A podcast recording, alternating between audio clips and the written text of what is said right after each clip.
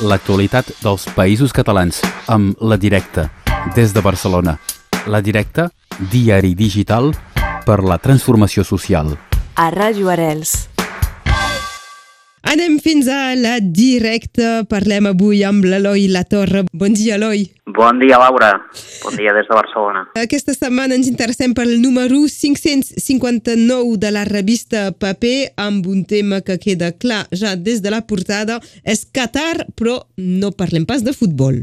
En parlem molt poc, perquè ja se n'està parlant molt i també parlem poc de, de totes les eh, crítiques que ha comportat l'organització del Mundial de Futbol, tant per les vulneracions de drets humans, de drets laborals, el, fi, els casos de sinistralitat laboral dels treballadors en la construcció de tots els estadis i les infraestructures que han fet falta per construir, per, per, per, per organitzar aquest esdeveniment en un país que no té cap tradició de futbol. D'això en parlem poc perquè ja se n'ha parlat molt, ja n'hem parlat algun cop a la directa, i del que parlem més és de com el Mundial de Futbol forma part d'una estratègia de l'estat de Qatar per homologar-se en la comunitat internacional com un actor internacional, un país molt, molt petit però molt ric, i que vol homologar-se davant de la comunitat internacional. Dintre del món àrab, un estat amb unes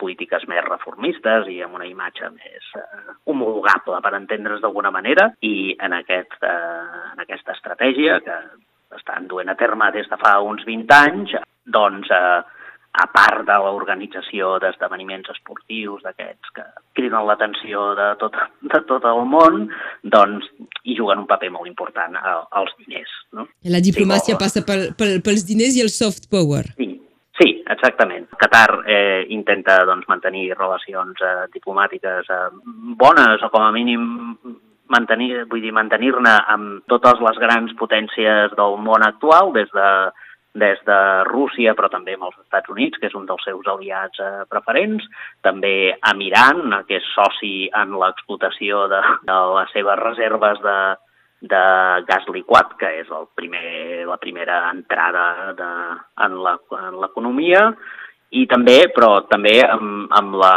amb tots els països europeus i, i la seva arma en aquesta estratègia principal és un fons inversor, el Qatar Investment Authority, que és un fons d'inversió, que és un fons d'inversió sobirà, que es diu, que són fons d'inversió que són públics, molts països en tenen. Per exemple, la, a, Noruega eh, té un dels fons inversors eh, més, en fi, amb més actius del món a través de, del seu, del, dels seus fons de pensions per, per administrar el, el, les reserves per pagar les, les pensions als jubilats a la, a la gent jubilada i Qatar doncs, eh, en té un dels també, no, no tant com el de Noruega, no tant com el dels Emirats Àrabs, però és el quart o cinquè fons inversor del món públic amb més actius. Això de públic sempre s'ha de posar molt entre cometes perquè hem de tenir en compte que Qatar doncs, és una, un règim autàrquic que sempre ha estat des de la seva independència en, en mans doncs, l'estat d'una família, que és la família Altani, que de fet s'ha d'entendre família en un sentit molt ampli, en el sentit de, de clan, vull dir que actualment es calcula que hi ha com unes 3.000 persones dels 3 milions de persones que viuen a Qatar amb nacionalitat catariana, n'hi ha unes 3.000 que es consideren del clan Altani, com una mena de classe alta no? de, dintre d'una societat molt classista. No? Aleshores, aquestes persones són gairebé les que controlen totes les empreses, eh, en fi, els, tant els, els organismes de, de, de, de polítics, de la societat civil i de l'economia privada. Aleshores, bàsicament, el que fem en aquest reportatge és rastrejar on està aquest diner de Qatar, que es calcula que, que té actius per valor de 430.000 milions d'euros. És gairebé 10 vegades més que el, que el pressupost de Bangladesh, per exemple, que és un estat que té molts treballadors que han estat treballant construint els estadis, migrats, construint estadis de futbol a Qatar. No? Rastregem on estan aquests diners, tant a doncs, a totes les a grans empreses de, del món, des, de, des del Barclays Bank, la companyia aèria AIG, a França, a l'estat francès, sabem tots que és propietari del club de futbol Paris Saint-Germain a través d'una filial del Qatar Investment Authority i també rastregem a l'estat espanyol les empreses del, que cotitzen en el selectiu índex bursari de l'estat espanyol, entre altres l'elèctrica Iberdrola, doncs té com a primer accionista eh, el fons inversor catarià i també les inversions que tenen, eh, sobretot en el camp immobiliari en els països catalans. Un dossier eh, per, eh, per explicar-ho a, a fons és eh, l'estratègia de, de Qatar en aquest eh, número 559 de, de la directa, però no és eh, l'única temàtica. També, per exemple, hi ha un reportatge de Noa Tendero sobre ràdios associatives. Ah.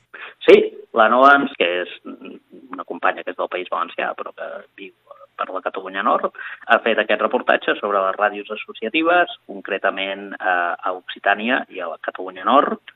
Eh, parla de diversos exemples, eh, com per exemple bueno, Ràdio Arrels, evidentment, i també parla de Ràdio Temjoté, que està a, a la ciutat de Rodés, a la Bairon, i de Ràdio Albigès, de l'Albí. Bueno, bàsicament el que ella traça doncs, exactament quina és la situació ara al marc legal en què estan aquestes emissores i explica, fa un recorregut històric perquè estem parlant d'emissores amb, amb, amb unes quantes dècades d'història ja, doncs això, fa un recorregut històric des de les des de les ràdios lliures a la seva situació actual en el panorama radiofònic de l'estat francès. No? A, a descobrir aquest, uh, aquest article, ah. aquest reportatge de Noa Tendero. I, um, I acabarem esmentant també el cas d'un ciutadà italià que la, la justícia podria tornar a actuar després de 20 anys de mobilitzar-se contra el G8. Sí, uh, Vicenzo Becchi, que va ser, va ser un dels moltes persones que l'any 2001, eh, quan hi va haver una cimera del G8 a la ciutat de Gènova, hi va haver moltes protestes en el moment del moviment antiglobalització, hi va haver moltes, eh, una repressió policial eh, bastant, bastant forta i moltes persones ser detingudes, moltes van ser jutjades i condemnades, i un grup de persones que van ser condemnats l'any 2012 eh, per diversos delictes a diversos anys de presó, entre elles hi havia eh, Becky.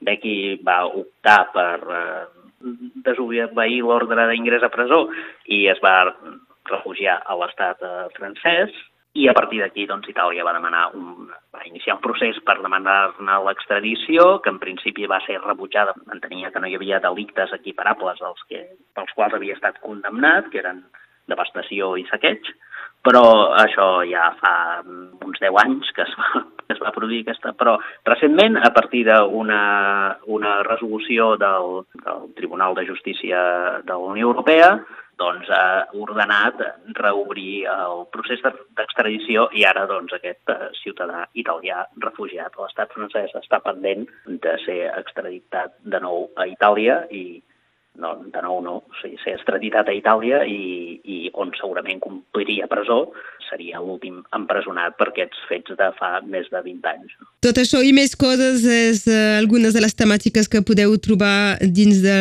l'edició, la darrera edició paper de la Directa, també altres temes a través de la web a directe.cat i avui ens ho ha explicat l'Eloi Latorre. Moltes gràcies, Eloi. Moltes gràcies, Laura, a tu. Que vagi molt bé. Adéu i bones festes. Bones festes l'actualitat dels països catalans amb La Directa, des de Barcelona. La Directa, diari digital per la transformació social. A Ràdio Arels.